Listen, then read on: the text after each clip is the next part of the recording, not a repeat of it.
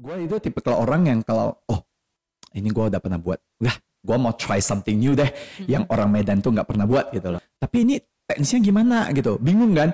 Untuk mencari teknisnya itu, technicalnya itu dan masterpiece-nya itu, itu menjadikan sebuah desain itu bukan dipakai berkali-kali kan. Yes. Nah otomatis harus costing banyak untuk researching dan Yes. creating masterpiece itu jadi sesuatu result yang wow gitu. Jadi berapa bayaran paling mahal pernah diterima? Sharing is caring, but it's more than that. Sharing is life changing. Welcome back to Lisa Chang Show.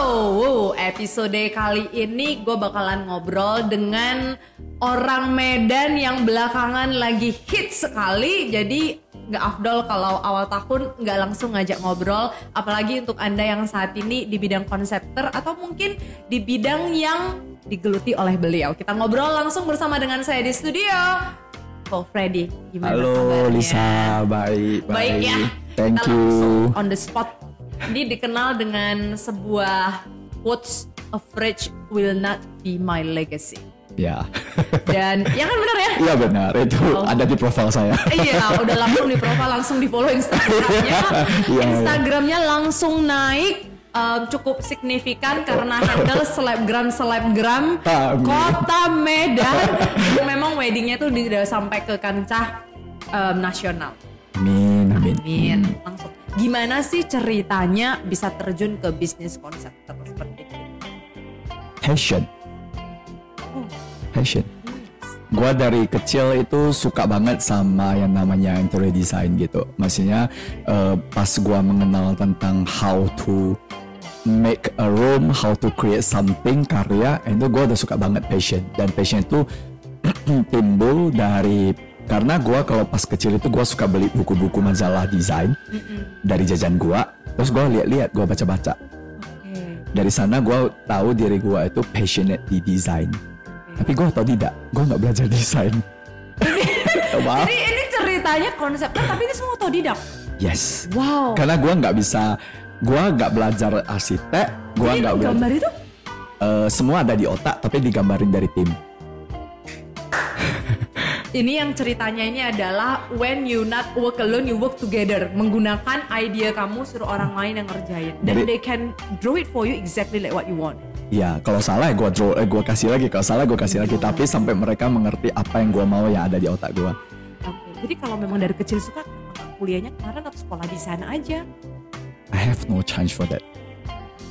Jadi gua nggak punya chance, tapi gua kuliah di bisnis.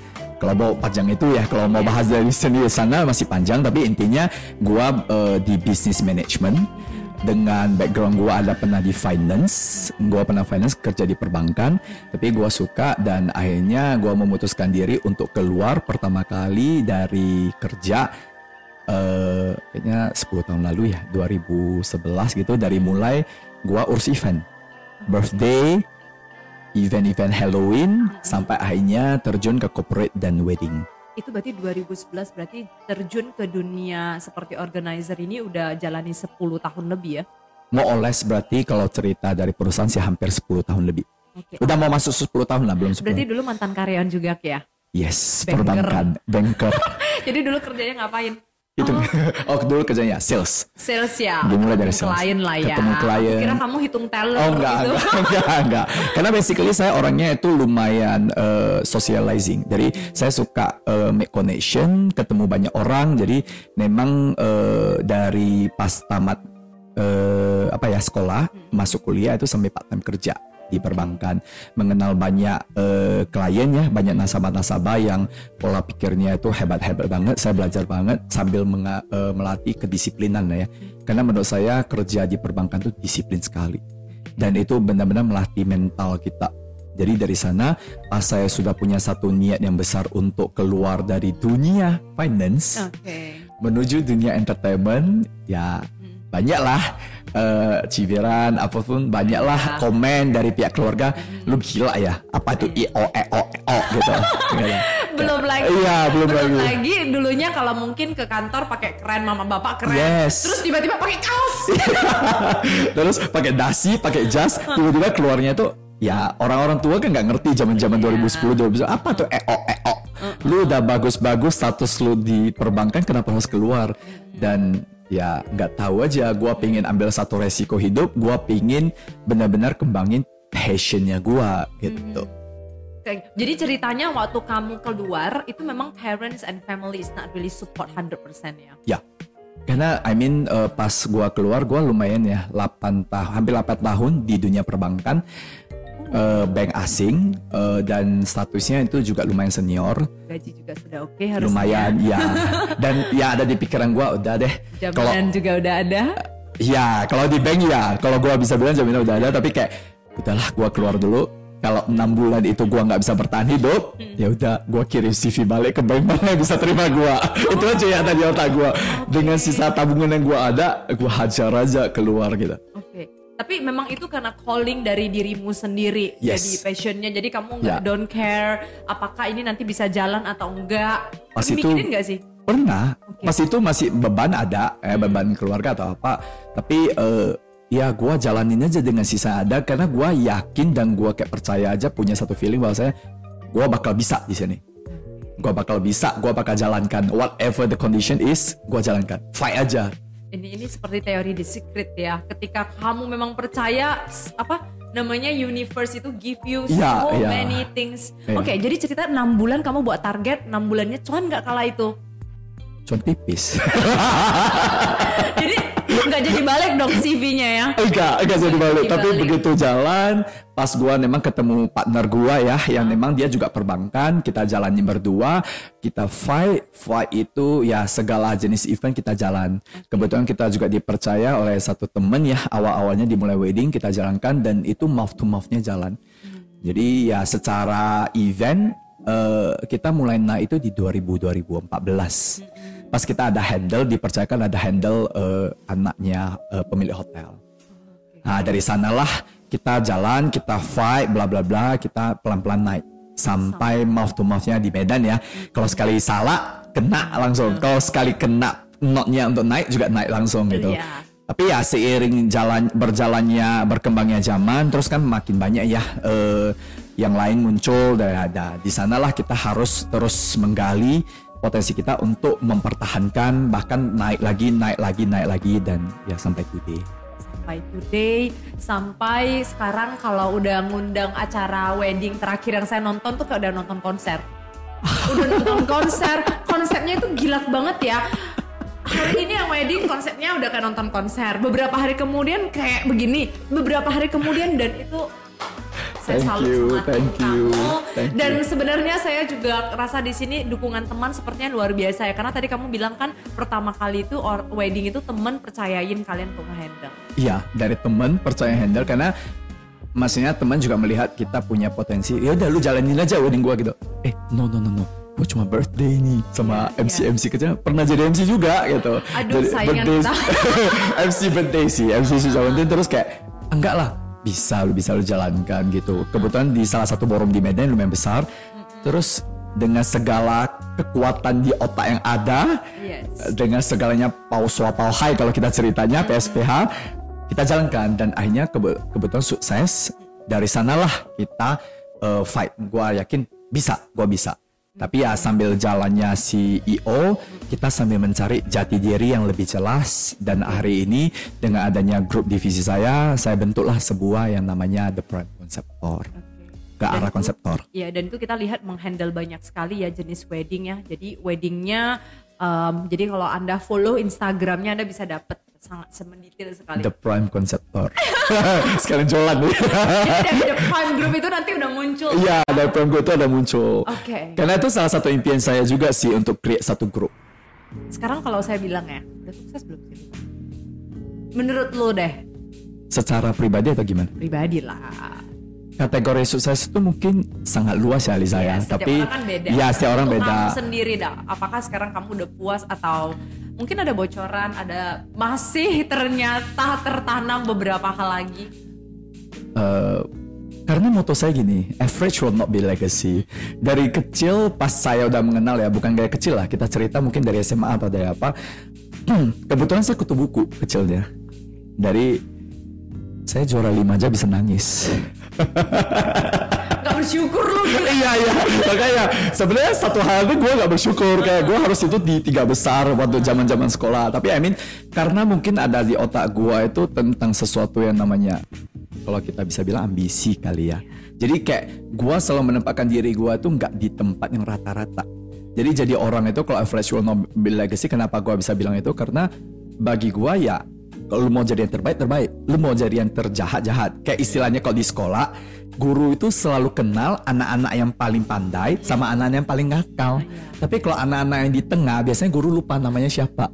Biasanya gitu. Nah itulah moto saya. Kalau mau jadi yang kutu buku mau jadi yang pandai sampai intelijen banget ya itu pasti oh iya si Freddy itu udah pandai banget. Kayak satu sekolah tuh tahu. Ayo lu tahu si Freddy itu paling nakal. satu sekolah tuh juga tahu yang tiap kali lima kali masuk BP masuk mana gitu. Jadi mau yang terbaik atau yang terburuk itu aja sih. Itu moto gua Makanya, lu tahu nggak kalau mau wedding paling keren The Prime gitu loh. Nah, anyway, aku pernah denger gini, Liz nggak bisa itu di handle Prime kalau nggak punya banyak duit. Setuju nggak sih? Karena gila nge-handle-nya. Kita lihat eventnya. Sebenarnya haruskah segitu ya orang wedding harus spend so much money? sebenarnya itu kembali lah ya. Kalau kita cerita tuh kembali ke masing-masing klien karena kalau kita cerita kebetulan wedding itu kan sekarang sudah menjadi satu bentuk industri lifestyle ya.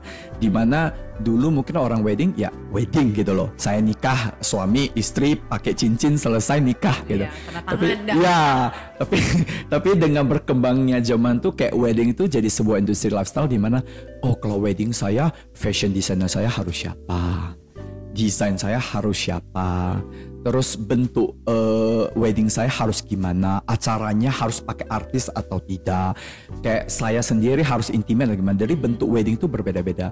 Dan kalau cerita harus mahal kembali ke masing-masing. Karena wedding itu kan unlimited budget. Lu mau sampai eh, mau sampai satu komplek villa dijual untuk wedding itu bisa juga gitu loh Itunya. ya bisa bisa aja. Tapi kalau lu mau misalnya hanya spend wedding for budget yang klien memang udah set up dengan tertentu ya itu kita akan set up. Tapi otomatis dengan berkembangnya zaman, dengan harga inflasi, dengan semuanya karena pilihan wedding makin banyak dan sosial media makin merajalela. Jadi satu individu ke individu yang lainnya pada saat melihat Comparison, sebuah ya. lifestyle itu menjadi sebuah comparison. Ya, comparison. Nah, apakah kita bisa mengikuti arah comparison itu? Nah, itulah ujian kita untuk bisa mengupgrade diri kita.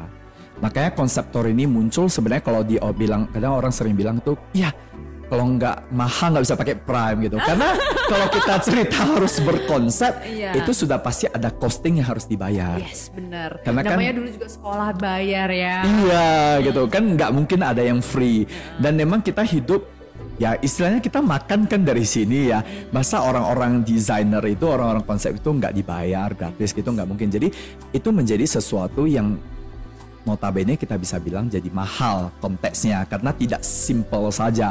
Orang harus dibuat jadi satu desain yang menarik dan sebuah karya itu akan menjadi masterpiece ya. Kalau istilah saya itu masterpiece. Masterpiece yang kita create dan kita custom hanya buat individu itu saja.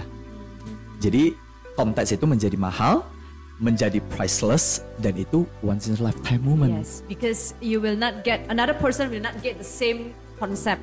yes Jadi kalau ada apa yang lagi viral kemarin Nick the Moon. oh, wow. Apalagi yang terakhir yang punya aduh saking banyak pokoknya aku sampai kelihatnya kayak merasa ini anak ya kayak dilahirkan pada saat itu apa ya otaknya itu seencer itu gitu ya. Terus sebenarnya kena dari mana sih ide brilian itu bisa muncul? Apakah banyak nonton atau ada mentor atau gimana? Mungkin ada teman-teman yang mau belajar kan? eh mentor kalau secara spesifik personal mentor tidak tapi memang eh, saya tuh tipikal visual jadi saya banyak melihat banyak browsing dan eh, banyak mencari ide. Jadi dengan melihat saya browsing saya mencari ide kira-kira kalau penempatan itu seperti apa itu seperti gimana gitu. Misalnya desainnya ini kalau seperti gini itu bagusnya gimana. Dan pastinya disesuaikan dengan kebutuhan setiap individu setiap klien lah kita cerita setiap eh, klien-klien kita ada. Jadi memang untuk create masterpiece itu kayak saya tipikal orang itu gue itu tipikal orang yang kalau oh ini gue udah pernah buat. Lah gue mau try something new deh yang orang Medan tuh nggak pernah buat gitu loh. Atau bahkan kalau bisa ya nasional tuh nggak pernah buat gue bakal buat gitu. Nah, gue pikir try.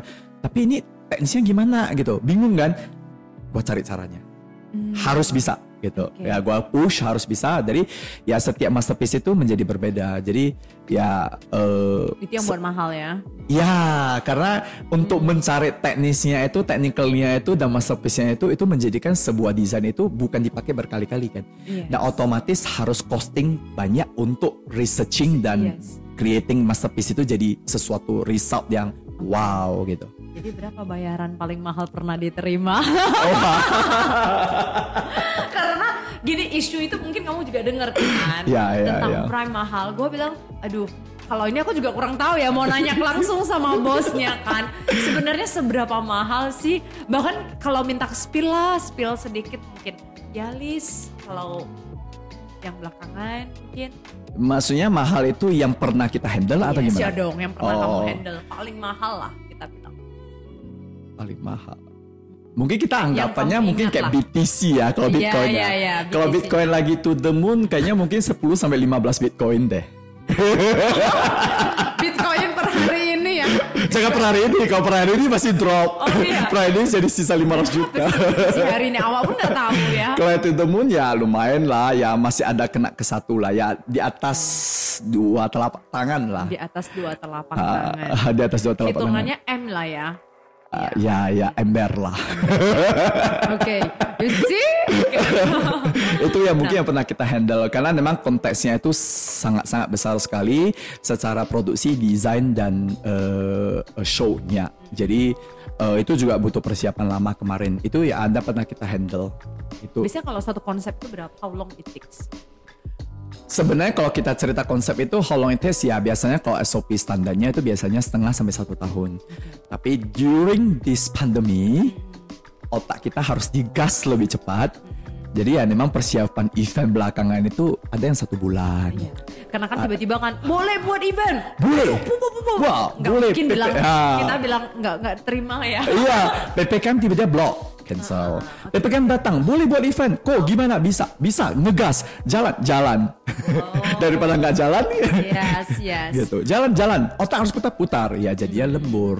Oke. Yes. Nah, tadi kan spill ini ada harganya per ember-ember lah ya kalau misalnya harus ke Prime.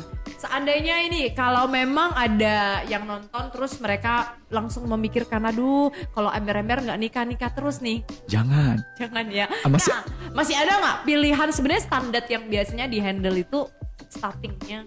Nah, kalau mau cerita ini sebenarnya kita bisa kembali ya, karena di grup saya ke- di Prime Group ini kita ada beberapa divisi. Nah, The Prime Conceptor itu adalah salah satu divisi konseptor. Nah, eh, untuk menjalankan wedding kan nggak semua harus ha- nggak semua lah ya kita nggak cerita nggak semua couple harus pakai konsep. Yes. Nah, kalau misalnya couple cuma pingin weddingnya itu smooth, well organized, well planned, kita ada satu divisi namanya divisi IO. Karena sekarang itu divisi WO ataupun IO, mereka menjalankan wedding kalian dengan smooth. Jadi tim-tim saya yang di bawah ini beserta partner-partner saya yang ada di divisi yang kedua dan ketiga itu mungkin kalau ada yang pernah lihat di Instagram kita itu the marriage story sama the signature event planner itulah WO-nya kita. Jadi memang kita punya SDM yang sudah bisa menjalankan eh, rundown dan eksekusi acara kalian itu dengan smooth. Tapi kalau perlu sebuah konsep yang masterpiece, kamu tambahkanlah dengan the prime Oke. concept. Oh. Jadi so easy ya. Jadi saya setuju ya kalau memang dibutuhkan juga uh, WO ataupun IO untuk menghandle event. Kalau enggak nanti biar anda nggak usah pusing di hari hanya duduk cakep nggak mau tahu semua dihandle langsung sama Prime Yes, jadi kita ada wedding planner, ada WO-nya. Terus kalau mau tambah bumbu optionnya, kita bisa tambah arsiteknya, kita bisa tambah konseptornya. Itulah the prime conceptor. Group. Langsung ya. Iya. Anyway, aku kan lihat nih kamu kalau buat konsep tuh selalu out of the box. Medan ini punya nggak orang-orang yang talenta segitu keren ya sebenarnya? Misalnya kan kamu pengen buat ini itu, saya langsung memikirkan yang orang dekornya itu loh. Is it Medan atau kamu import dari luar gitu?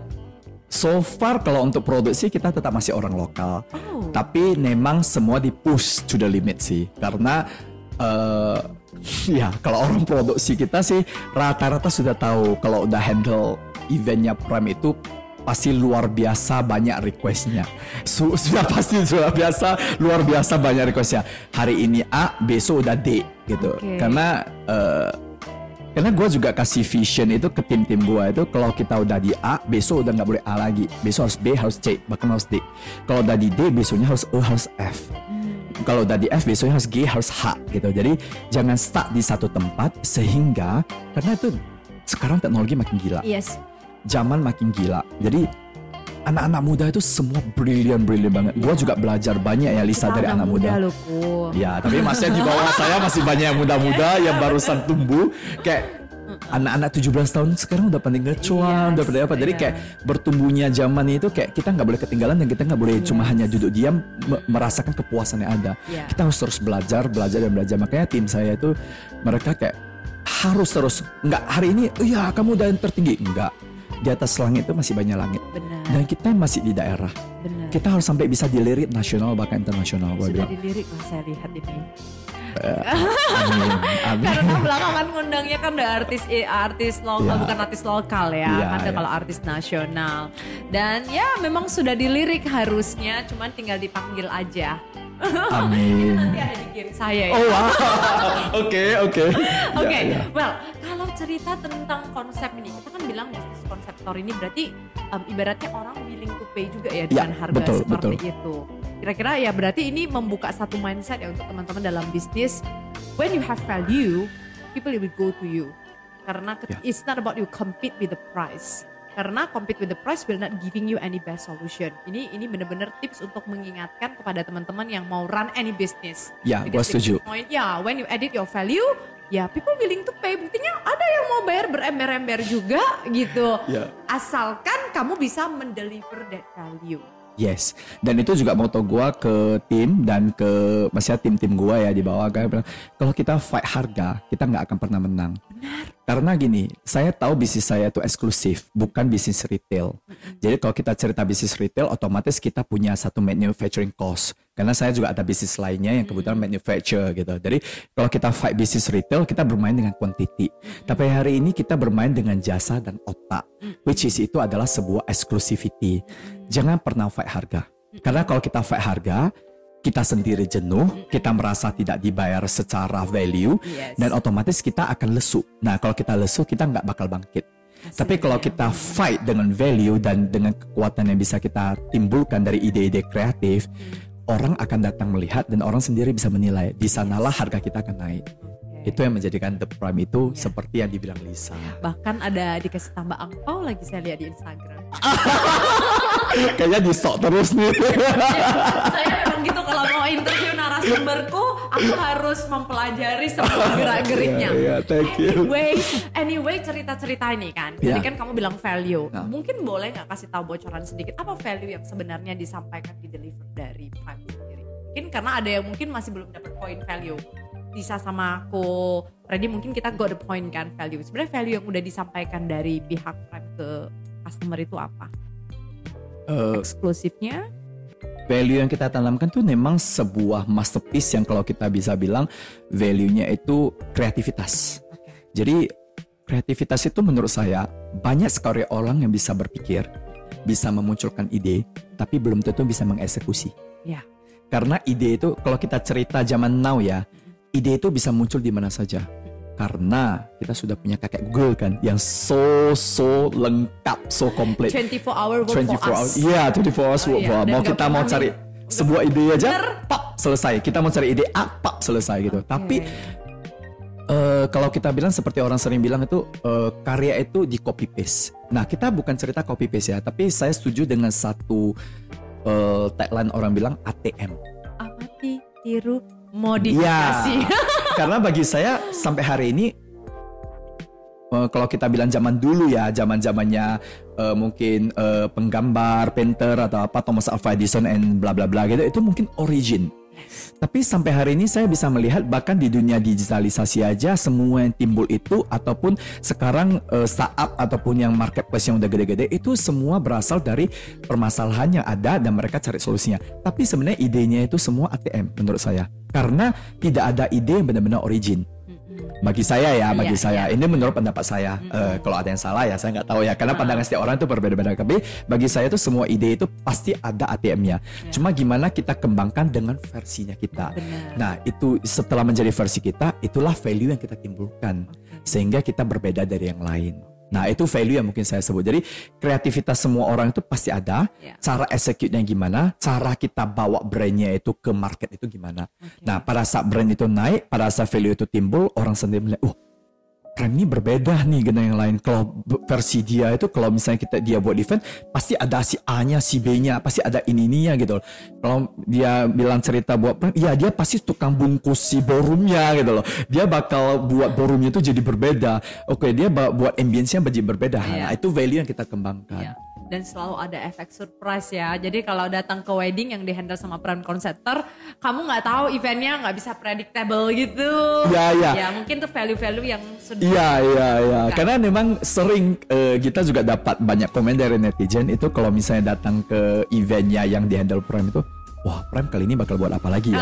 Kayak gitu. Yang tadinya nggak mau nggak bisa datang ke weddingnya pun di band. Iya, iya, diundang. Iya iya.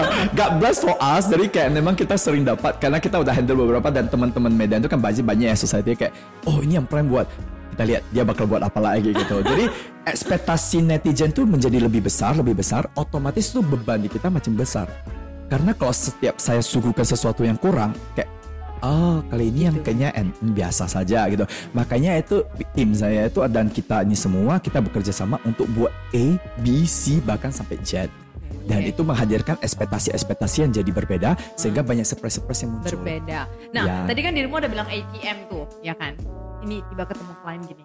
Ehm, gue pengen dong, Freddy kemarin keren kali itu wedding si si A, Hmm. katakan gitu kan. Nah, Aku juga mau seperti dia punya, bisa nggak? Bisa, tapi dengan konsep yang berbeda, tapi dengan mood yang sama. Aku mau konsepnya sama. Jangan deh, masa once lifetime moment kamu kamu samain dengan si dia.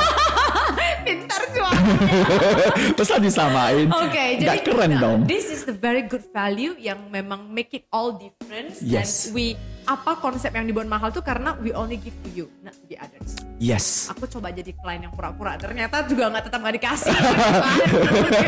Specialized only for for you. you. Makanya Jadi gitu. biar lu bayarnya itu worth it dengan Prime gitu. Yes. Ah. Oh.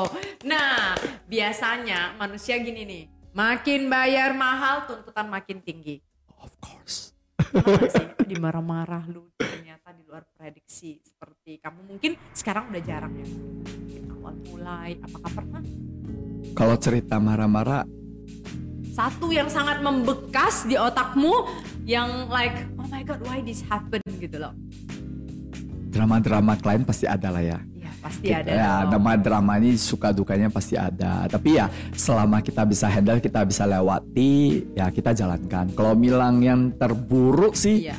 Dan you how you handle that. Jadi mungkin ada teman-teman yang saat ini mendengarkan, oh sampai segitunya aja pun ya we can handle.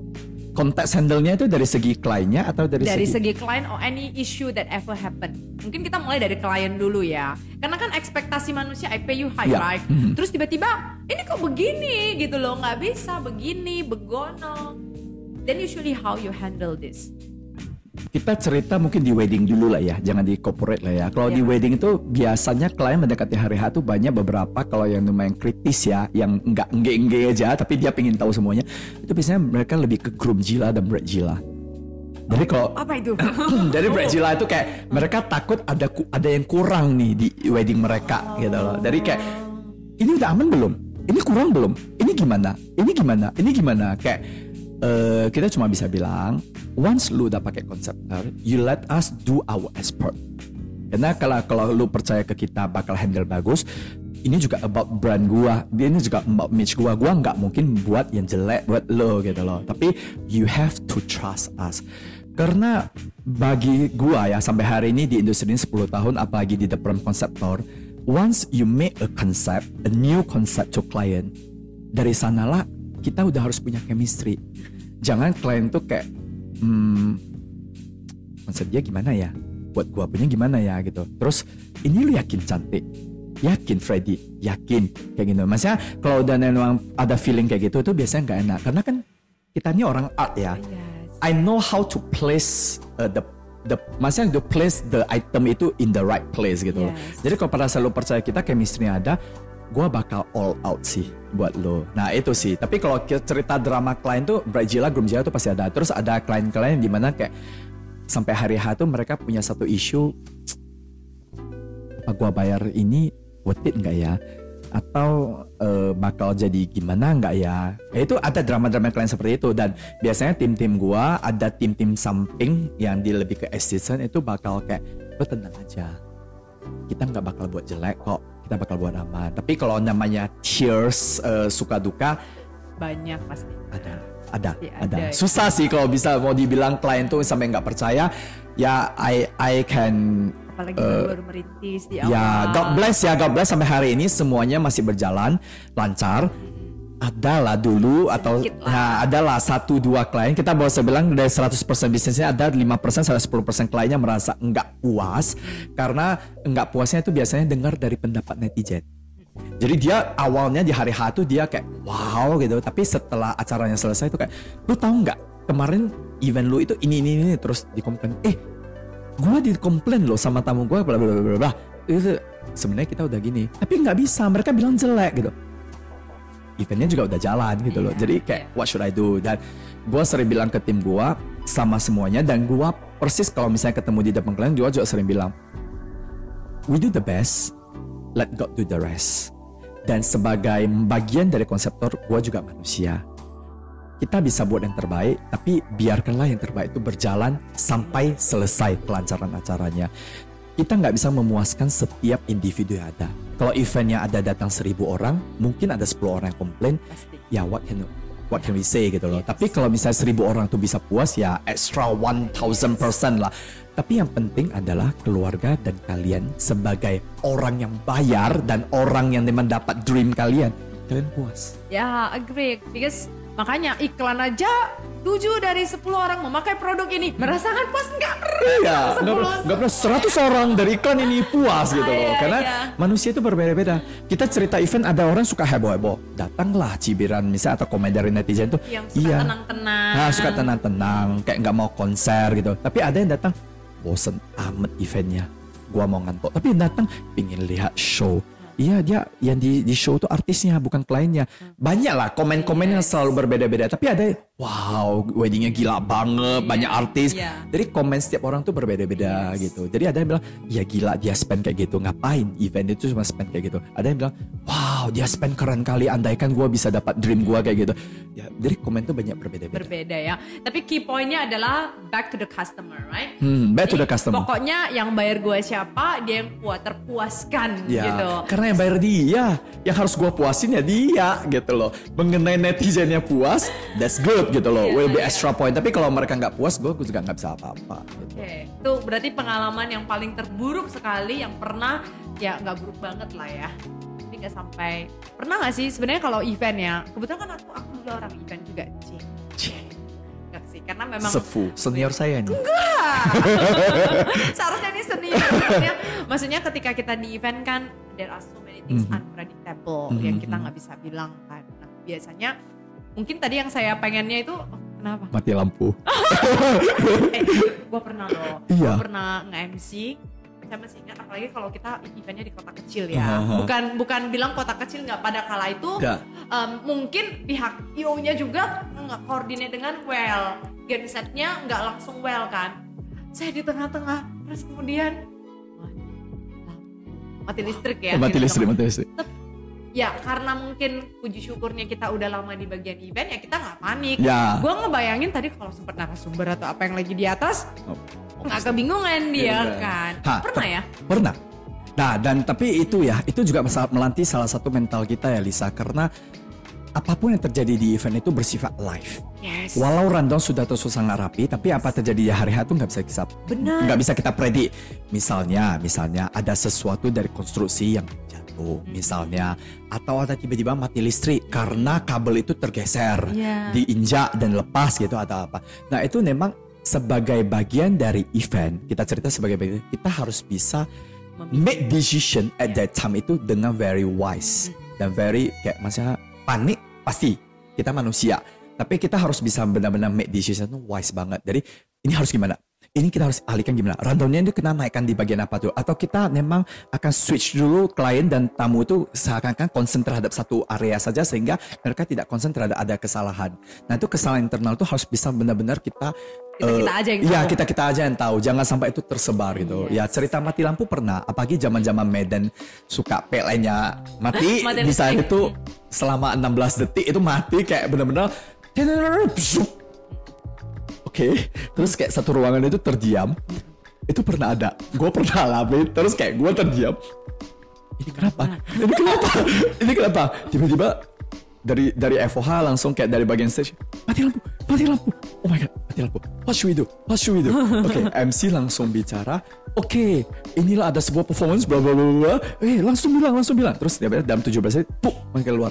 Nah, ini adalah sebuah surprise yang kita create dan kita akan kembali membuat eventnya menjadi lebih ceria bla bla. Dan itu harus kayak benar-benar udah adjustable banget. Nah, susahnya di sebuah event itu inilah yang harus kita latih Iya. sebuah keputusan yang sangat cepat yang tidak bisa dipredik Yes. dan harus benar-benar tepat pada waktunya dan notnya. Iya. Nah itu yang benar-benar harus kita latih. Dan semoga klien nggak sadar. itu aja sih. Kalau klien sadar, iya mati listrik dari PLN-nya kita juga nggak bisa apa-apa atau proyektornya mati. Eh, ya karena kabelnya. Kok bisa Karena mereka kan nggak mau tahu dong Ya. kabel keinjak. Ya, mereka nggak mau tahu. Karena eh, PLN juga mereka berharap kan udah langsung otomatis. Yes. Gitu. Tapi kan terkadang kan ada selisih waktu ada gitu selisih 10 waktu, detik ha, 11 ha. detik untuk perpindahan, kayak perpindahan. Mhm. ya sorry ya we just can do the best let God do the rest Iya. ya sorry aja kalau kita salah ya kita harus sorry gitu loh Iya, iya. tapi ya untuk kalau klien terima tapi nggak bisa nggak bisa ya kita tanggung jawab lah. Apa yang kita- kalian mau ya kita tanggung jawab. Adalah adalah kejadian-kejadian nggak kalau gua bilang mulus pasti nggak. Pasti ada kejadian-kejadian kayak gini yang atau ada sesuatu yang jatuh misalnya tapi mereka nggak sadarin tapi itu jatuhnya setelah acara selesai. Oh. Belum lagi kalau ngundang artis, artisnya belum nyampe. Yes, rundownnya belum sampai itu karena ada masalah macet itu pernah. Iya. Jadi kita harus benar-benar bisa tackle itu semua sih. Tapi kita tetap akan buat berusaha membuat sampai seisi ruangan itu nggak nyadar, sadar. nggak nyadar. iya, ya, nggak itulah nyadar. itulah job desk kita. That's why kenapa Anda butuh yang namanya organizer and conceptor. That's the point gitu.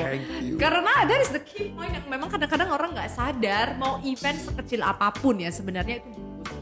Ya. Sebenarnya sekecil apa pun kalau misalnya Anda nggak punya basic um, apa event dan terus kemudian kamu nggak pakai lagi event organizer ya alhasil jalan gitu aja. Apalagi event itu talk about moment. Moments we cannot pay back.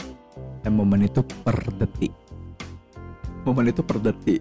Jadi kalau ada satu kesalahan di per detik itu, let's sampai detik itu kita nggak bakal buat vakum kan. Ya, dari momen itu nggak bisa dibeli dan nggak bisa diulang, nggak bisa. Oh ya, kita rehearsal, balik lagi ke awal itu, itu bagi kita itu sangat jelek sekali. Jadi kalau momen-momen kita pemanggilan orang atau rundown atau apa-apa itu, itu harus ada benar-benar flow-nya. Jadi bukan hanya sebagai bagian dari prime group ataupun the prime conceptor, siapa pun itu, kalau kalian mau buat event tuh, siapa pun itu, kalian harus butuh SDM yang memang bisa handle ya kita cerita lah IO yang bisa menghandle. Karena event sekecil apa pun itu kamu butuh, Butuh. kaki tangan. Iya. jangan lu sendiri sebagai klien lu sendiri handle nggak mungkin lu telepon ya lu kok belum sampai? Tapi lu lagi jadi eh, si kliennya gitu loh. Kalau kita cerita corporate masih aman yang mau acara tapi kalau kita cerita wedding nggak mungkin pengantinnya yang telepon sendiri hey lu kok belum datang si singernya? Gitu loh. Nggak mungkin. So event sekecil apa pun lu tetap butuh organizer. Siapa pun itu siapa pun itu Oke, so kontak di bawah ini. kontak di bawah ini sekalian jualan sih kalau mau Nah, ngomong tentang bisnis ini semuanya hari ini, tadi kan kamu belum jawab sih sebenarnya.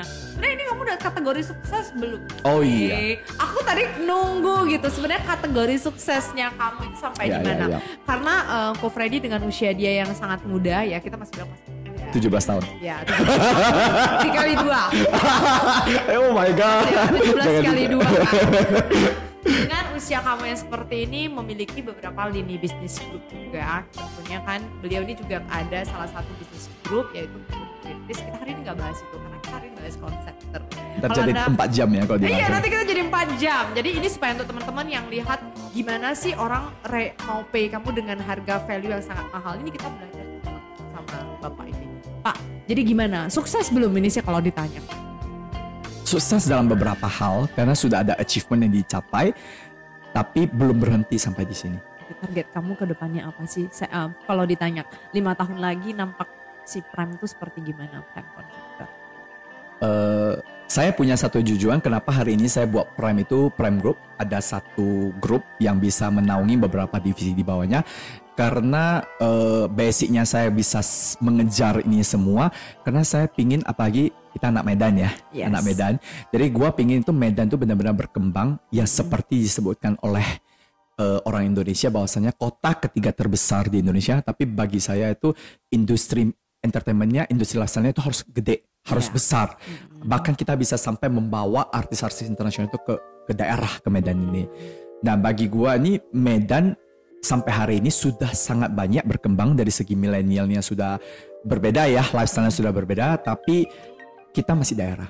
Okay. Dan gua pingin achieve more dan hanya just daerah karena walau di Medan ini ya kita terima kasih banyak ya sudah diklaim sebagai ya one of the best, yes. tapi bagi gua gua masih anak daerah belum one of the best yeah, di yeah. nasional yes, gitu loh. Dan nasional tuh masih banyak uh, eh, SDM SDM yang sangat sangat hebat saya bisa akui dan bisa kita belajar banyak dari mereka. Jadi saya ingin kita bisa berada di salah satu yang nasional best juga. Aku yakin habis podcast ini nanti kamu akan go nasional. Amin. Amin. Aku tuh kayak doa aja kan. Doa, doa tuh harus diaminkan. Pokoknya baik-baik itu harus diaminkan, dipositifkan. Iya. Kalau hari ini punya kesempatan, siapa sih orang yang paling berjasa di dalam kehidupan kamu sehingga kamu merasa kamu bisa jadi hari ini? Kalau cerita orang berjasa itu banyak ya. Uh, paling berjasa yang let make you like I have to say thanks karena untuk menuju kamu 10 tahun kerja terus kemudian kamu keluar dari zona eh 8 tahun kamu kerja di bank terus kamu keluar kan gak semudah itu dan hari ini kamu cukup sukses ya berkarir sesuai dengan passion Amin. kamu karena kita tahu dunia IO itu kalau nggak passion susah itu kerja bisa sampai jam 2 pagi. Yes. Terus habis itu pagi-pagi udah jam 6 harus dateng. Yes, yes. Kalau nggak passion itu akan berat. Iya. Gitu Tapi kan? ini kita harus autopilot. Jadi ya. karena kan tubuh kita juga bisa rest ya. Jadi makanya kenapa saya buat grup, saya buat tim itu supaya kita bisa autopilot management. Bener. Karena bagi saya dunia IO itu bisa tergantikan. Ya. Nah, selama kita tidak mengasah otak itu pasti tergantikan. Makanya kita harus buat satu value, kembali lagi satu value yang berbeda sehingga orang bisa menghargai karya-karya masterpiece kita. Nah, kalau cerita kayak dari lima tahun ke depan nih, saya ingin tetap buat sebuah legacy mm -hmm. buat tim Prime Group ini biar ke depannya itu bisa regenerasi karena makin lama saya makin tua otomatis makin banyak anak muda yang muncul uh-huh. dengan pemikiran lebih lebih hebat lagi. lagi. Mungkin bisa ntar eventnya di bulan atau apa gitu kan. Bisa jadi kan to gitu loh. Jadi iya kebayangin kan. Jadi kita harus tetap belajar tidak pernah berhenti tapi saya tetap buat manajemen dengan bisa autopilot dan regenerasi buat tim-tim saya ke depannya bisa menggantikan sisi Posisi saya. Dirimu. Ya, okay. jadi kalau cerita sukses lima tahun ke depan, saya ingin achieve nasional. Dengan umur saya seperti ini, saya ingin achieve sampai satu titik di mana saya bisa melepaskan autopilotnya, manajemennya secara proporsional buat tim-tim saya dan mereka bisa melanjutkan grup ini. That legacy yang That legacy okay. gitu. Karena kita bisa tua lah. Kita nggak mungkin akan sampai umur 60 tahun saya masih kayak gini gitu udah kan. pasti kita akan tua iya, ya. Iya, udah pasti kita akan tua. Jadi saya pingin ini legacy tetap jalan karena saya pingin memang bisnis ini bisa autopilot ke tim-tim saya dan mereka juga punya passion yang kuat dan saya bisa delegasikan buat mereka. Oke. Okay. Well, kalau tadi um, ini kan udah tahu nih sukses ya lima tahun lagi planningnya berarti sekarang masih belum sangat sukses lah menurut kamu karena targetnya belum dapat banget tapi udah syukur. Udah ya. Kalau nggak nanti dibilang juara lima nggak syukur dia. Enggak, enggak sukses, tapi ya sukses dalam beberapa hal yang saya achieve pribadi. Yes. Tapi sebagai tim saya harus pingin buat mereka itu lebih baik lagi gitu. Yeah. Karena kategori sukses itu sangat luas sih Liza. Jadi gua nggak bisa bilang kalau gua sukses. Kalau bilang gua sukses, gua udah puas. Yes. Dan kalau gua puas, gua bakal start di tempat, nggak mau upgrade lagi. Sedangkan yeah. ini masih Ya masih kerja bagai kuda, masih kerja bagai kuda gitu. masih produktif. Iya. Nah, masih produktif. Nah, jadi kan tadi saya juga ada nanya nih perjalanan yang bisa menjadi hari ini ada orang dong oh, iya. yang sangat berjasa di dalam hidupmu dan banyak berjasa dalam hidup gue ya pastinya itu keluarga. karena sampai hari ini kesuksesan itu saya yakin itu muncul karena memang dukungan keluarga setelah kita coba untuk masuk ke dalam ranah yang tidak nyaman ini. Setelah mereka melihat perkembangan ada, mereka pasti bilang ya udahlah apa pun yang lu buat, gua pasti support gitu. Nah, uh, terus uh, partner-partner ya yang uh, masuk di dalam grup ini semua saling sangat mendukung. Dan kita itu tidak kita itu bicara value itu heart to heart. Kita nggak konteks karena namanya bisnis ya. Kalau udah bisnis udah partnership kita nggak bicara masalah about perhitungan. Jadi apa pun yang lu buat apa pun yang gua buat selama kita sama-sama di atas kita harus saling mendukung. Tapi bagi gua jasa yang terbesar itu sebenarnya muncul dari dalam diri sendiri. Gua percaya itu karena kita sering dengar ya dan gua benar-benar saya yakin itu tidak ada kebahagiaan yang muncul dari eksternal Sebenarnya kalau kita sendiri bisa bersyukur, kita bisa merasakan kepuasan Anda dan kita terus mau belajar, jasa itu ya dari dalam diri kita. Berarti motivator terbesar tuh diri, diri kita sendiri. sendiri. Hari ini gue bisa ngejar sampai sini dan bisa dilirik seorang Lisa Changsho itu karena memang passion yang benar-benar gue bakar di dalam diri dan hari ini muncul sehingga bisa uh, apalah diapresiasi oleh beberapa klien bahkan netizen di luar.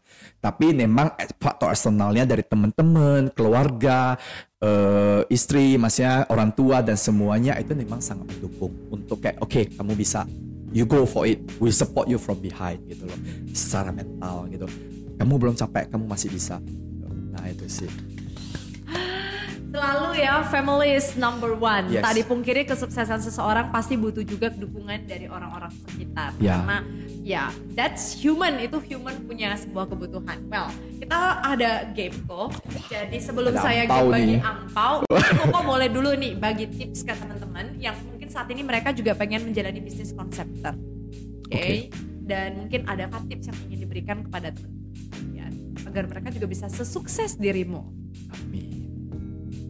Kalau mau bahas tips mungkin ya, saya bisa kasih beberapa tips. Simple. Pertama, konsistensi. Itu sangat-sangat penting dan sangat-sangat umum terjadi. Mau itu mau sebagai jadi seorang binaragawan, seorang yang tubuhnya bagus di dunia bisnis A, B, dan C, konsistensi itu menjadi sebuah kata umum yang wajib dilakukan dalam hal apa pun di hidup ini.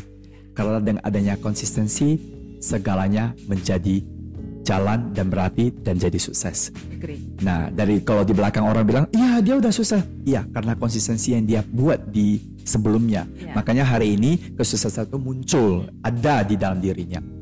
Kedua, eh, koneksi. Dengan banyak kita membuat koneksi terhadap teman-teman, terhadap lingkungan sekitar, kita bisa membuka wawasan kita tuh lebih luas. Karena saya percaya tidak ada yang namanya senior, tidak ada yang namanya junior. Kita bisa belajar dari setiap insan manusia, bahkan itu dari driver kita sendiri. Saya setuju itu. Jadi karena kita manusia itu kita nggak bisa lebih hebat dari yang lain. Manusia itu selalu membutuhkan satu sama lain. Jadi eh yang tadi saya bilang apa? Eh, Koneksi. nah, koneksi. Baik, Koneksi itu secara yang besar, secara yang koneksi luas, secara koneksi dalam, secara bawah value-nya itu dari yang teratas sampai terbawah kita bisa belajar. Jadi buatlah koneksi sebanyak mungkin, brandingnya dapat, tapi kita juga bisa belajar dari disiplin-disiplin yang ada di bawah. Nah koneksi itu tadi sorry ulang, koneksi itu berarti ke koneksi yang lebih ke atas. Tapi sambil banyak kita bisa belajar banyak wawasan. Tapi di bawahnya juga kita bisa bersyukur dan belajar dari yang orang yang di bawah kita. Karena dia bilang, iya lu kamu harus belajar dari senior. Tidak, aku Ya. juga hari ini belajar dari Lisa. Lisa hari ini juga belajar dari saya. Saya hari ini juga belajar dari driver saya dan semuanya. Jadi koneksi dan pembelajaran itu penting. Jangan pernah melihat seseorang itu di bawah kamu sehingga kamu merasa kamu lebih di atas dia Yes. dan kamu melihat dia lebih rendah. Saya nggak setuju. Kita harus bisa belajar bersama. Itu kedua. Ketiga paling rasa syukur. Karena kalau kita tahu kita sudah punya rasa syukur dan kita tahu apa yang sudah kita achieve, otomatis kita bisa lebih baik lagi untuk belajar yang ke depannya. Karena kalau nggak ada rasa syukur, kita terlalu selalu dilingkari dengan mungkin keegoisan atau rasa yang harus membunuh atau rasa yang sangat kompetitif. Itu sesuatu yang di dalam kiri kita itu menjadi devil kalau saya iya. bilang. Tapi kalau dengan ada rasa syukur dan dengan ada sesuatu yang udah kita achieve, kita bisa belajar lebih baik, kita bisa puas dan kita mau upgrade diri kita lagi, that that's better. Jadi ya memang konsistensi, koneksi, eh, rasa syukur. apa saya bisa bilang thank you Uh, jadi mulai sekarang ingat apa pun yang kamu lakukan, lakukanlah bukan hari ini, lakukan A terus tahun baru sebulan dua bulan gak bisa jalan, pindah lagi, pindah lagi, pindah lagi. Karena jadi kutu loncat nggak akan ada yang berhasil. Ya. So konsistensi, mau kejar cewek, kalau kejar cowok juga gitu. Baru dekat sebulan gak dibalas, gue pilih yang lain. Aduh, bakalan lo. iya ya bakalan Karena kamu li, walaupun sejelek kamu se apa pun, tapi karena kamu konsisten kali aja kau dilirik kan. betul Karena aku setuju banget sih konsistensi is the key. Number two, ingat untuk koneksi ini juga bagus banget ya. Hari ini saya juga diingatkan kembali. Jadi di dalam hidup kita itu apa pun yang kita jalankan itu kita bisa belajar dari siapa pun. Bangun koneksi di mana pun anda berada. And the last, mungkin tadi ketika bilang rasa syukur untuk fokus kepada customer anda. Jadi jangan terfokus dengan kompetitor sehingga anda tidak syukur dengan apa yang kamu miliki saat Ya. ini. So teman-teman kalau gitu kita main game dulu sebelum closing statement. Jadi Dapat kita ampau akan nih, dapat ampau. berandai-andai, dapat ampau. Jadi di sini adalah andai saja. Ada tiga pertanyaan. Jadi pertanyaan mana yang mau duluan dijawab? Hmm, Isinya ada pertanyaan sih. isinya apa andai saja. Pertanyaanku. ini Ya, saya buka. oke Oke, merah dan kuning. Bu, Wow. andai saja ada yang kompas hasil karya kamu. What will you do? Copy paste. Yes, copy paste. sering. Oke, iya ya. Iya Oke, what will you do? Mungkin awal-awal awal-awal saat dicopas ya pasti kita shock. Kenapa sama gitu. Tapi setelah kita menyadari kita juga ATM sebenarnya kita juga ATM bedanya kita nggak disadari bahwasanya kita copas itu itu setuju ya. Kita nggak munafik. Kita juga ATM belajar dari luar negeri yang lebih hebat lagi bla bla bla. Tapi kita pandai memodifikasi dalam value kita seperti yang tadi gua bilang Yes. Nah, kalau ada yang copas nah tim gua itu biasanya seru. Kok ikutin ik- ikut-ikut kita nih kok nah gua coba bilang sama tim. Pada saat kita sudah diikutin sebagai seorang pionir yang bisa menjadi banyak follower yang bisa ikutin kita harus berbangga kita harus berbangga. Kalau sampai kita nggak dicopas berarti karya kita itu sangat-sangat tidak soro sekali bahkan sampai tidak pingin dicopas. Tapi kalau kita udah sampai dicopas dikopas itu berarti karya kita itu sangat-sangat amazing. Sehingga orang pingin buat karya yang sama ya udah syukurin aja kita pionirnya Oh my god, aku hari ini ketemu malaikat yang luar biasa ya. Ini mengetes uji coba gimana Anda. Ini pertanyaannya nggak tahu semuanya kan. Iya, iya, iya. Jadi ketika kita berbisnis, memang jiwa beliau itu sangat lapang sekali. Karena ketika Anda kopas, mana tahu dijawabnya, syu dong, ikut Iya. aturan dong. Iya, iya, Ini iya. ya sudah dikopas gitu. Ya, kopas. Karena walaupun eventnya dikopas, yang jalanin beda, hasilnya belum tentu sama.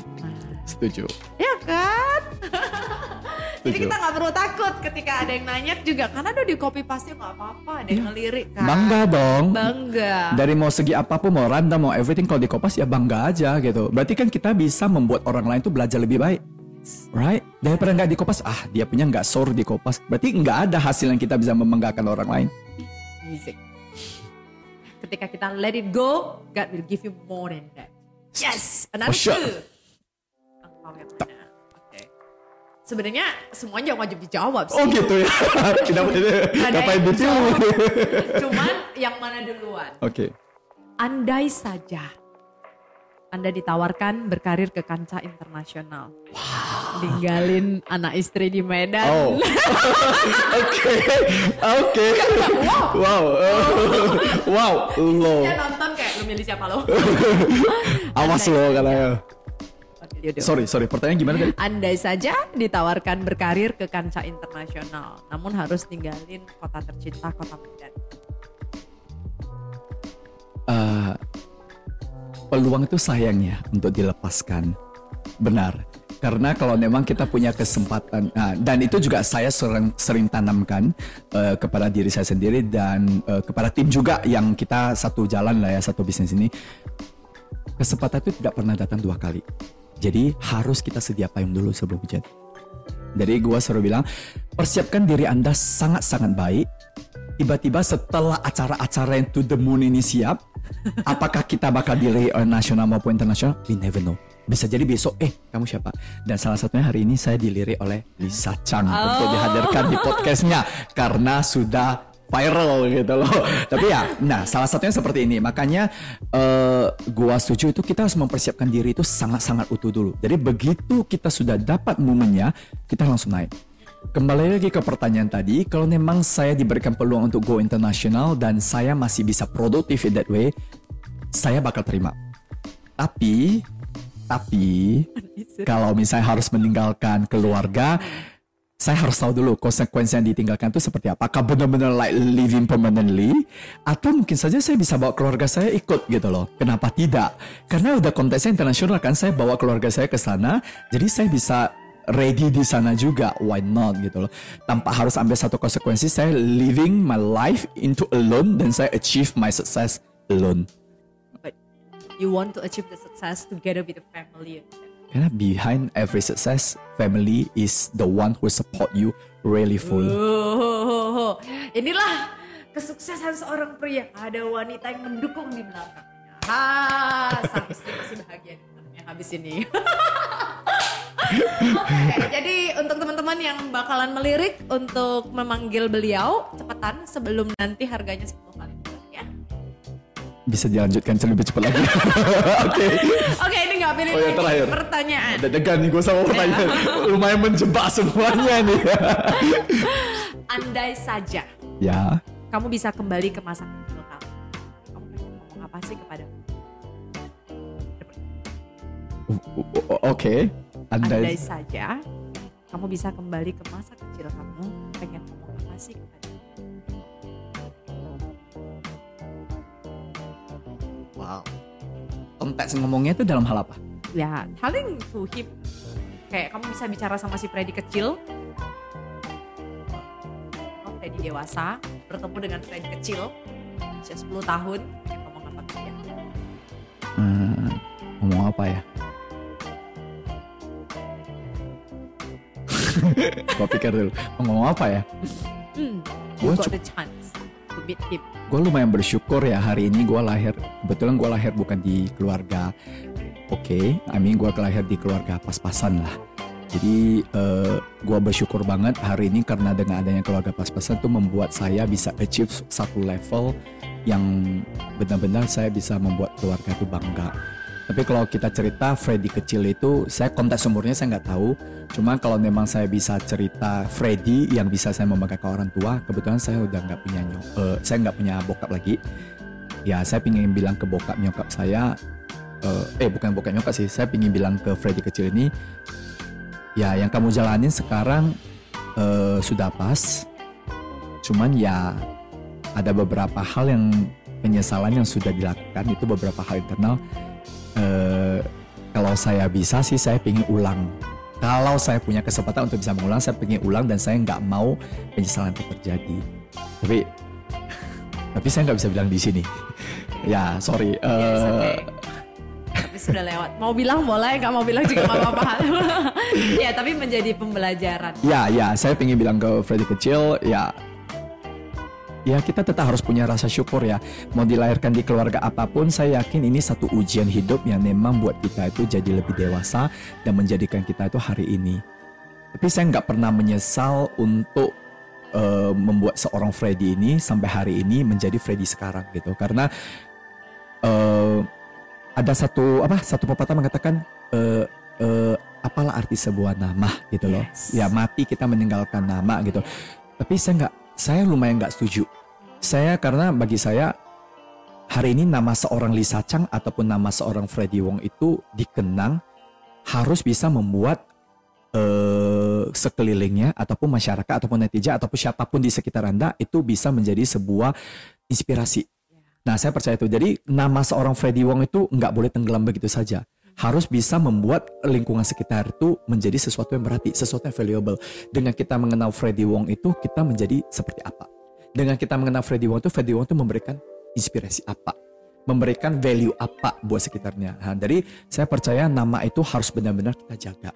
Bukan mati hanya meninggalkan sebuah nama dan apalah arti sebuah nama. Saya kurang setuju. Jadi hari ini menjadi seorang Freddy kecil kalau mau banyak kata-kata yang dilontarkan ke Freddy kecil ya adalah beberapa penyesalan internal tapi kalau mau dibilang secara umum saya sih bisa bilang eh, menjadi seorang Freddy kecil sampai hari ini saya nggak banyak bisa uh, meng- me- men- menitipkan pesan lagi karena saya sudah cukup uh, puas sampai hari ini dengan diri saya dari Freddy kecil sampai Freddy dewasa. Saya jalankan ini saya sangat bersyukur terhadap keluarga saya terhadap apa yang saya sudah jalani dalam hidup saya. Jadi I'm okay lah with that. I'm okay sorry Oh, it's okay. I'm so sorry juga kalau saya bring back to the memory. Iya iya iya. Ya, yang pertanyaan tuh memang shock bentar tapi kayak uh, I'm I'm blessed with what I have right now gitu. Yeah. Jadi Because you always do good. That's why God always give you a lot of good things. amen. Amen. Ya, that's true karena dari cara kamu ngejawab semuanya kan kita bisa melihat ya kamu itu punya willingness to make other. Jadi ketika kamu pengen orang weddingnya happy, kayaknya kalau saya yakin kalau si pasangannya bisa happy, keluarganya happy, itu yang buat kamu bahagia. Gua bisa berkaca-kaca. Iya kan? Iya. Karena itulah tuh, em, nampak sih dari cara kamu jawab kan. Itu yang membuat kamu kenapa kamu pengen sesempurna itu minta orang pastikan ini kenapa berbeda karena kamu menempatkan diri kamu ke orang lain juga. Iya, yang mereka enjoy the show yes, itu. That's why you have to people enjoy Karena dengan show. kita menempatkan diri kita di mereka, otomatis kita diri diri kita ini terpuaskan. Karena passion yang gua pingin beri ke mereka itu, ya itu timbal, maksudnya reflektnya balik ke gua gitu dan dari tim. Jadi apa pun yang kita lakukan yang tersusah sekalipun, yang tersulit sekalipun, yang secara teknis and everything itu gua buat mereka. Begitu mereka achieve, mereka say thanks to us. Dengan mereka say thanks to us itu kayak gua dapat tuh kepuasan batin.